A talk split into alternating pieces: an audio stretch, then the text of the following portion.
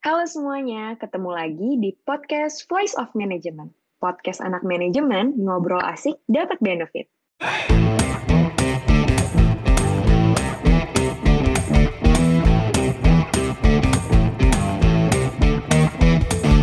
Halo semuanya, balik lagi nih di podcast manajemen. Tapi sekarang kalian ketemunya sama aku. So, aku mau memperkenalkan diri dulu ya. Uh, nama aku Zetia Zahra selaku manajer administrasi di Administration and Finance Bureau AMJM 2021.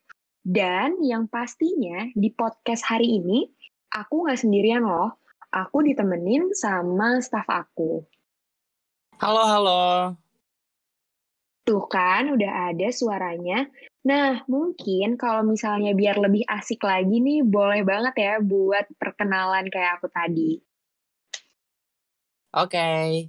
halo semuanya. Kenalin nih, aku Miftahul Huda, tapi biasanya dipanggil Yuda aja nih. Aku staff dari administrasi, dari Administrasi and Finance HMJM 2021. Oke, jadi panggilannya Yuda aja ya? Yes, betul banget Kak Z. Oke deh. Nah, karena udah ada Yuda di sini, sebenarnya kita mau ngapain nih, Yud? ada apa kita di sini dan kita mau bahas tentang apa?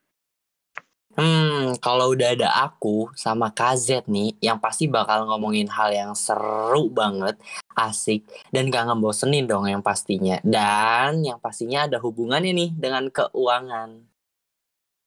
Yap, betul banget. Sesuai nih Yud sama nama podcast kita hari ini yaitu Bromance, obrolan with administration and finance dan di sini kita mau ngebahas gimana sih mahasiswa buat ngelola keuangannya di masa pandemi kayak gini. Nah, masa pandemi kayak gini tuh identik banget nih Yud sama stereotipnya orang-orang di mana di masa kayak gini tuh semua hal tuh berubah secara drastis. Dan apalagi soal keuangan nih, bener-bener harus dipikirin dan diperhitungkan secara matang. Kebetulan ada Yuda di sini, aku mau nanya-nanya nih, sebagai mahasiswa, gimana nih income-nya, expense-nya, apalagi cara saving-nya? Wow, ini tuh pasti menarik banget gak sih? Iya dong, pastinya. Jadi buat temen-temen nih yang lagi dengerin podcast ini, harus banget wajib buat dengerin podcast ini sampai akhir biar nggak ketinggalan informasi sama cerita-cerita dari kita yang pastinya bakalan seru banget. Pokoknya harus banget nih dengerin sampai detik terakhir biar nggak nyesel. sampai satu detik terakhir banget ya. Iya, bener banget sampai satu detik terakhir. Nah, pastinya nih eh, kalian-kalian ini yang denger itu kan banyak banget ya dari kalangan mahasiswa. Nah, gimana sih pengeluaran kalian tuh di masa pandemi kayak gini? Apakah seret nih? Apa masih lancar-lancar aja? Tapi diharapkan masih lancar-lancar aja ya, jangan sampai seret gitu ya. Nah, kalau dari Yuda sendiri nih, Yud, gimana pengeluaran kamu di masa pandemi kayak gini? Hmm, kalau pengeluaran aku ya, pas lagi di masa pandemi kayak gini nih, pastinya tuh beda banget ya pengeluarannya. Aku yakin juga nih kalian semua yang dengerin, terutama mahasiswa, juga ngerasain juga nih sama yang biasanya dikasih uang jajan sama orang tua. Karena kita di rumah doang nih jadi nggak dikasih. Yang dikasih bulanan mingguan atau sebagainya lah pasti juga berubah nih. Entah keuangan keluarga yang mungkin terganggu atau mungkin yang uangnya dari hasil bisnis jadi terganggu juga nih akibat pandemi kayak gini. Aku rasa juga KZ pasti ngerasain gak sih? Yes, bener banget. Aku tuh ya Yud, bener-bener ngerasain di awal-awal pandemi tuh, uang bulanan aku tuh bener-bener dipotong. Tapi gaya hidup aku tuh masih belum berubah. Di mana eh, ngeliat diskon dikit, pasti langsung pengen beli. Ngeliat bagus dikit, tapi nggak tahu fungsinya buat apa, tetap aja dibeli. Nah, apalagi nih ya, di e-commerce sekarang itu kayak gampang banget ya buat... Uh, ngeklik terus uh, check out bayar terus tiba-tiba sorenya udah dateng itu kan yang bener-bener ngebuat uh, impulsif banget ya buat membeli sesuatu hal yang sebenarnya tuh kurang penting dan terlebih lagi itu sebenarnya uh, aku tuh juga harus memikirkan loh tentang bu tentang nabung buat di masa-masa kayak gini gitu. Wah, beda banget tuh sama aku Kak. Nah, kalau dari diri aku nih ya sendiri, itu tuh di masa kayak gini nih, malah jadi nggak boros. Pengeluaran tuh jadi nggak banyak, nggak kayak biasa. Biasanya tuh di masa normal gitu. Yang biasanya keluar sama teman, liburan, itu kan kita pasti ngeluarin uang ya kan. Nah, karena kita nggak keluar nih, karena kita nggak main, nggak liburan, itu kan uangnya jadi nggak keluar deh. Jadi ditahan nih uangnya. Jadinya lebih banyak ke save sih uangnya KZ kalau aku pribadi. Yes, mantep banget dong itu. Kayak boleh kali ya ini langsung ditransfer ke rekening aku kalau misalnya udah nggak muat. Sebenarnya itu cuma ada angka 01 sih di rekening aku. Bisa aja, Yud. Nah, Uh, tapi iya sih Yud, kita nggak main nih keluar dan apalagi juga nggak hangout gitu ya sama teman-teman dan gak liburan karena pastinya di rumah aja di masa pandemi kayak gini. Dan yang dari aku dengar tadi itu kamu uh, banyak banyak lebih ke arah saving. Tapi selama kamu di rumah aja dan rebahan gitu, nggak ngelakuin apa-apa, terus uh, pastinya itu kan ngelakuinnya palingan Netflix misalnya. Dan emang kamu nggak gatel gitu ya ngebuka e-commerce gitu dan jadi beli uh, uh, hal yang menarik dan lihat diskonan gitu nggak langsung buru-buru check out. Terus juga kan uh, di rumah aja nih ya Yud biasanya itu kan ngebuat kita jadi cepet lapar ya. Nggak uh, ngapa-ngapain soalnya dan end up jadi impulsif mesen makanan online sana sini uh, terus gimana sih cara kamu buat nahan gitu ya, nggak ngeluarin uang buat hal-hal yang nggak penting banget? Hmm, for your information nih ya, aku tuh nggak punya aplikasi commerce loh, yang orange, yang hijau, itu loh aku nggak punya malah. Nah, cara aku nahannya itu biasanya tuh mikir dulu nih, yang aku beli itu berguna gak sih buat ke depannya? Atau emang lagi perlu banget gak sih harus banget dibeli gitu. Jadi dipikirin dulu sih tapi Kak, dulu tuh aku seneng banget belanja sampai benar-benar gak ke kontrol. Waduh, emang kamu suka belanja apa tuh sampai gak ke kontrol? Aku tuh dulu suka banget belanja barang-barang kayak sepatu, baju, sendal gitu-gitu Kak. Kayak lihat sepatu bagus dikit tuh langsung beli. Padahal tuh sepatu tuh banyak banget di rumah. Kayak baju nih, beli doang nih tapi nggak pernah dipakai. Ke hal-hal yang kayak gitu sih Kak borosnya. Jadi dulu tuh bener-bener gak kontrol banget. Jadi makin ke sini tuh aku udah mulai berubah nih pola pikirnya. Jadi kalau beli apa-apa tuh bener-bener harus dipikirin sih. Waduh, bener banget tuh ya. Sebenarnya apa-apa harus dipikirin manfaat serta kegunaannya. Duh, iya banget nih. Berarti besok kalau aku mau check out harus banget aku pikirin matang-matang ya. Nah, oh ya Yud, sebelum kamu berpikiran kayak gini nih, yang sebelum beli itu tuh harus dipikirin dulu matang-matang. Apa sih motivasi awal kamu buat ngerubah mindset kamu buat selalu mikirin uh, hal tersebut tuh berguna atau enggak uh, buat ke depannya. Jadi dulu tuh uh, aku suka banget nih kan belanja. Apa aja yang aku suka dan tertarik itu bener-bener aku beli gitu. Sampai bener-bener gak kepake barangnya. Nah kadang dari situ tuh aku mikir barang-barang ini mau dikemanain nih. Dan emang gak ada gunanya sih. Cuma waktu itu beli karena suka dan tertarik aja. Sampai akhirnya barang-barang itu tuh kebuang gitu aja. Nah, dari situ tuh aku belajar kan untuk nggak boros. Uang yang seharusnya dibuat beli barang yang nggak berguna itu tuh bisa ditabung atau digunain ke hal-hal yang lebih bermanfaat. Soalnya banyak banget loh ya hal-hal yang lebih bermanfaat dari itu. Kayak gitu. Wow, oke, okay, well note banget nih. Nah, tadi nih ya Yud, kita kan uh, udah ngebahas nih sama kamu tentang pengeluaran dan aku juga jadi banyak banget uh, pencerahan kayak kalau misalnya beli sesuatu hal itu tuh uh, harus banget dipikirin ini tuh berguna atau enggak ya. Nah, uh, selanjutnya nih aku mau masuk ke pemasukan kamu nih, Yud. Selama pandemi ini pemasukan kamu kayak gimana? Nah, itu dia sama kayak yang tadi aku omongin. Karena aku di rumah terus ya, jadi itu bener-bener gak dapat pemasukan nih. Gak kayak di masa normal yang pastinya kan.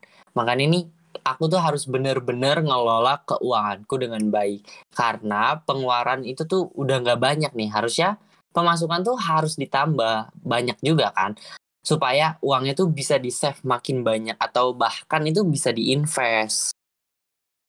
Nah, tapi nih aku tuh suka bingung banget yuk gimana sih cara paling efektif buat nambah income. Kalau dari kamu sendiri nih, dari versi kamu, kamu gimana caranya nambah pemasukan kamu itu? Aku harus hmm. banyak lagi nih dari kamu yuk biar nambah juga pemasukannya. Kalau dari aku sih biasanya nih ya, itu tuh bisa part time, freelance, ikut lomba gitu-gitu Kazet. Sekarang kan freelance ini bisa WFH juga kan. Apalagi nih buat kalian nih yang bisa desain, itu tuh dibutuhin banget sih di zaman sekarang. Dan lomba itu tuh banyak banget loh benefitnya kalau juara itu tuh bisa dapat uang plus sertifikat kan. Kalau kita daftar lomba cuma 20 ribu, kita juara satu dapat 300 ribu, itu kan kita modalnya berkali-kali lipat dong balik modalnya. Dan itu kita dapat keuntungan sih di situ Kak Zed. Wow, cari cuan banget ya kamu Yud. Tapi bener banget sih, di masa kayak gini Yud, sebenarnya aku juga setuju banget sama statement kamu. Kita harus cari peluang yang bagus buat dapetin income yang baik juga. Tapi coba kalau case-nya lagi nggak di masa pandemi kayak gini. Kamu tuh orang yang suka ngikutin tren gitu nggak sih? Dan uh, belanja gitu di mall dan nongkrong-nongkrong gitu. Yes, bener banget. Aku tuh ngikutin dan jujur, aku tuh suka banget belanja. Tapi balik lagi yang tadi aku omongin tuh harus mikir dulu. Nah, suka belanja nih Yud. Biasanya kalau belanja tuh kamu selalu catet nggak sih pengeluaran kamu atau selewatnya aja? Kalau misalnya mau beli, ya udah yang penting ada duitnya. Atau setiap per bulan gitu kamu hitung pengeluaran kamu berapa gitu. Nah, aku tuh biasanya pakai aplikasi nih KZ. Aplikasi yang aku gunain tuh namanya New. Aplikasi ini tuh bisa banget buat ngontrol pengeluaran kita. Namanya itu New Budget. Di situ kita bisa nyata transaksi kita, report kita selama satu bulan, dan yang pastinya juga ada perencanaan nih buat keuangan kita buat ke depannya. Nah, selama aku pakai aplikasi ini tuh, pengeluaran aku tuh bener-bener kekontrol banget. Jadi nggak pernah kelewat batas banget gitu ya buat mahasiswa. Iya dong bagus banget dan wajib banget di download. Jadi buat kalian nih yang mau download ini tuh aplikasinya tuh ada di App Store dan di Play Store. Wow bener banget sih Yud. Aku sampai nggak kepikiran loh buat ngelakuin di pakai aplikasi kayak gitu. Uh, karena selama ini aku tuh ya selewat-selewat aja gitu. Nah aku kan tadi udah nanya-nanya dan ngobrol ya tentang pengeluaran gitu. Dan apalagi juga tadi kita juga udah ngobrol-ngobrol terkait pemasukan kamu tuh gimana. Nah, aku jadi makin curious lagi nih Yud tentang kamu e, nabung tuh kayak gimana. Cara kamu nerapin nabung di masa kayak gini tuh kayak gimana? Ih, menarik banget sih pertanyaan ini nih. Jadi cara aku nabung tuh ya, caranya itu buat rekening yang berbeda dengan fungsi yang beda juga pastinya. Kayak yang satu tuh bener-bener untuk save doang dan dana darurat gitu. Nah yang satu ini lagi tuh memang buat kehidupan sehari-hari gitu kayak untuk bayar ini, bayar itu, kayak gitu sih. Jadi udah dipisah nih dari awal KZ biar lebih teratur aja sih, biar nggak kecampur-campur gitu. Oh iya juga ya. Sumpah aku sampai nggak kepikiran gitu loh uh, buat ada dua rekening gitu. Padahal itu benar-benar ngebuat jadi lebih teratur dan terplanning ya. Nah, tapi yuk uh, ngomongin nabung itu tuh pasti erat kaitannya sama investasi buat masa depan. Atau bisa juga itu jadi dana dana darurat ya.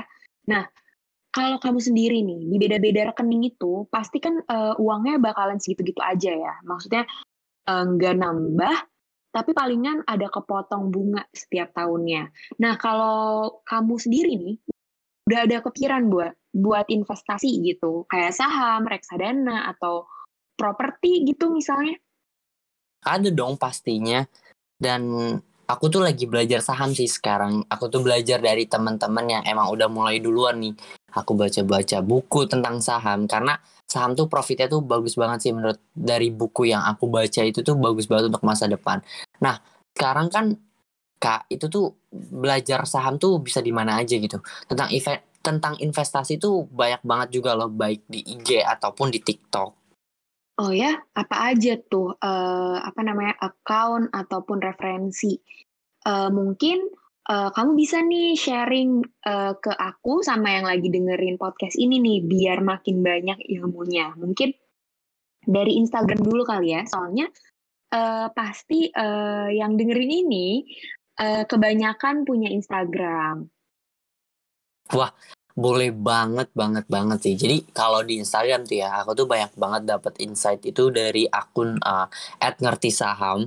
Terus juga ada lagi nih, ada Bikalpa ID, at saham talk, at ngomongin uang, itu tuh banyak banget sih Kak Wow, apa tuh yang ngebuat kamu suka sama akun itu? Jujur nih ya, itu tuh aku bener-bener dapet insight sih kak di setiap postingannya. Soalnya banyak banget nih postingannya yang menarik gitu, kayak cara nabung saham buat pemula, berita terkini tentang perusahaan, apakah dia lagi naik atau turun. Terus juga yang lebih menarik lagi tuh kita tuh bisa belajar buat uh, analisis tipis-tipis tentang analisa. Fundamental loh kak. Gampang banget gak sih buat nambah ilmu tuh sekarang? Wow keren keren. Sekarang tuh apa-apa serba gampang ya. Kalau dari diri kita tuh punya kemauan buat selalu nambah ilmu ngegali ilmu dan selalu punya rasa pengen tahu. Terus nih Ayut, selain di Instagram gitu, ada lagi nggak sih account ataupun platform uh, media sosial gitu buat belajar saham ataupun investasi gitu? Ada dong. Kalau di TikTok tuh biasanya tuh namanya ternak uang. Nah, tapi sebenarnya nggak ternak uang aja sih, banyak banget. Tapi aku paling sering di situ. Oh iya, satu lagi tuh ada di YouTube, Kak. Oh ya, di YouTube juga ada. Uh, apa tuh channelnya? Yang paling kamu suka deh, apa tuh? Nah, kalau di YouTube itu biasanya tuh aku belajar dari uh, Dodi bicara investasi. Di situ tuh lebih seru lagi, Kak. Kita diajarin caranya investasi masa depan yang kayak dana pensiun, tabungan anak, dan lain-lain pokoknya. Mungkin kalau yang ke Dodi bicara investasi ini tuh agak lebih ke next level tentang investasi gitu kali ya. Tapi cara beliau nyampeinnya tuh ringan banget, jadi bisa gampang banget ngerti gitu. Wah, menarik banget sih. Banyak banget sih yuk referensi kamu. Tapi aku mau nanya nih, satu akun atau uh, platform kali ya media sosial mana yang paling kamu suka gitu loh buat belajar investasi? Kalau untuk platform tuh aku lebih suka di Instagram ya. Dan akun yang paling aku suka itu itu tuh at ngerti saham itu tuh bagus banget. Oke, ini ini bakalan langsung aku cari sih nih, uh, akun ngerti saham ini. Kayak seberapa menarik ya untuk dipelajari kayaknya nih di setiap postingannya. Nah, tapi Yud, selain investasi saham, ada lagi nggak sih uh, investasi gitu yang pengen kamu pelajarin ataupun lagi kamu gali-gali nih informasinya? Kayak mungkin properti ataupun uh, kripto kali ya, itu ada nggak yang kamu tertarik gitu? Pastinya sih ada ya. Aku juga mau dan lagi belajar nih buat investasi tanah. Waduh, emang tanah mana yuk yang mau dibeli? Kalau bisa sih Pulau Jawa aku beli semua, termasuk rumah KZ nanti aku beli. Jangan dong, nanti tinggal di mana kalau kamu punya semuanya. Uh, tapi by the way, aku seneng banget deh ngobrol hari ini sama kamu. Aku banyak banget dapat pencerahan baru nih tentang saving, terus juga aku juga dapat referensi buat belajar investasi. Karena aku bener-bener uh, tercengang banget nih ternyata di Instagram ataupun media sosial yang ternyata kita sering uh, gunain atau sering buka di setiap harinya itu tuh uh, banyak dapat manfaatnya nih. Dan kayaknya ngobrol kita ini udah banyak banget ya Yud kayak juga durasinya juga udah panjang banget nih. Jadi kayaknya aku udah puas banget nanya-nanya kamu hari ini. Ya, sayang banget ya Kak Zat. Hmm, tapi tenang-tenang. Tapi nanti kalau misalnya ada di lain kesempatan, kita bakalan ngobrol lagi nih tentang hal-hal yang baru dan pastinya seru banget. Tapi nanti kalau ada kesempatan lagi, kita bakalan ngomongin hal-hal baru yang lebih seru lagi. Tapi sebelum itu, aku mau nyimpulin nih, dari yang tadi kita obrolin, aku jadi banyak dapat uh, kesimpulan uh, gimana mahasiswa itu mengelola uangnya di masa kayak gini, ataupun di masa pandemi kayak gini. Dari yang tadi udah omongin, uh, buat nambah income tuh bisa banget ya buat ikut internship, uh, dan ikut lomba sana sini. Terus juga kalau misalnya ingin membeli sesuatu barang ataupun hal-hal lain tuh sebenarnya harus dipikirin nih manfaat serta kegunaannya. Jadi nggak mau bazir gitu ya. Dan uh, satu highlight lagi yang uh, menarik perhatian aku banget nih uh, kita itu kalau misalnya mau pengeluaran serta pemasukan itu terplanning ataupun tertata dengan baik itu tuh bisa banget nih buat download aplikasi New tadi ya Yud. Jadi nggak usah pusing-pusing deh defisit pemasukan. Oh iya, sebelum juga kita mengakhiri uh, podcast kita hari ini, Oh ya, sebelum obrolan kita akhirin hari ini, aku mau ingetin nih ke teman-teman buat nge-follow dan pantengin terus Spotify Voice of Management karena setelah podcast aku sama Yuda, juga nanti bakalan ada sharing-sharing lagi nih dari teman-teman HMJM tentunya. Dan juga jangan lupa buat follow akun Instagram dari HMJM, yaitu di HMJM FEBUB, dan share ya ke teman-teman kalian. Oh ya, jangan lupa untuk uh, terus dengerin di episode selanjutnya. Uh, akhir kata, aku cukupin sampai sini ya. Bye!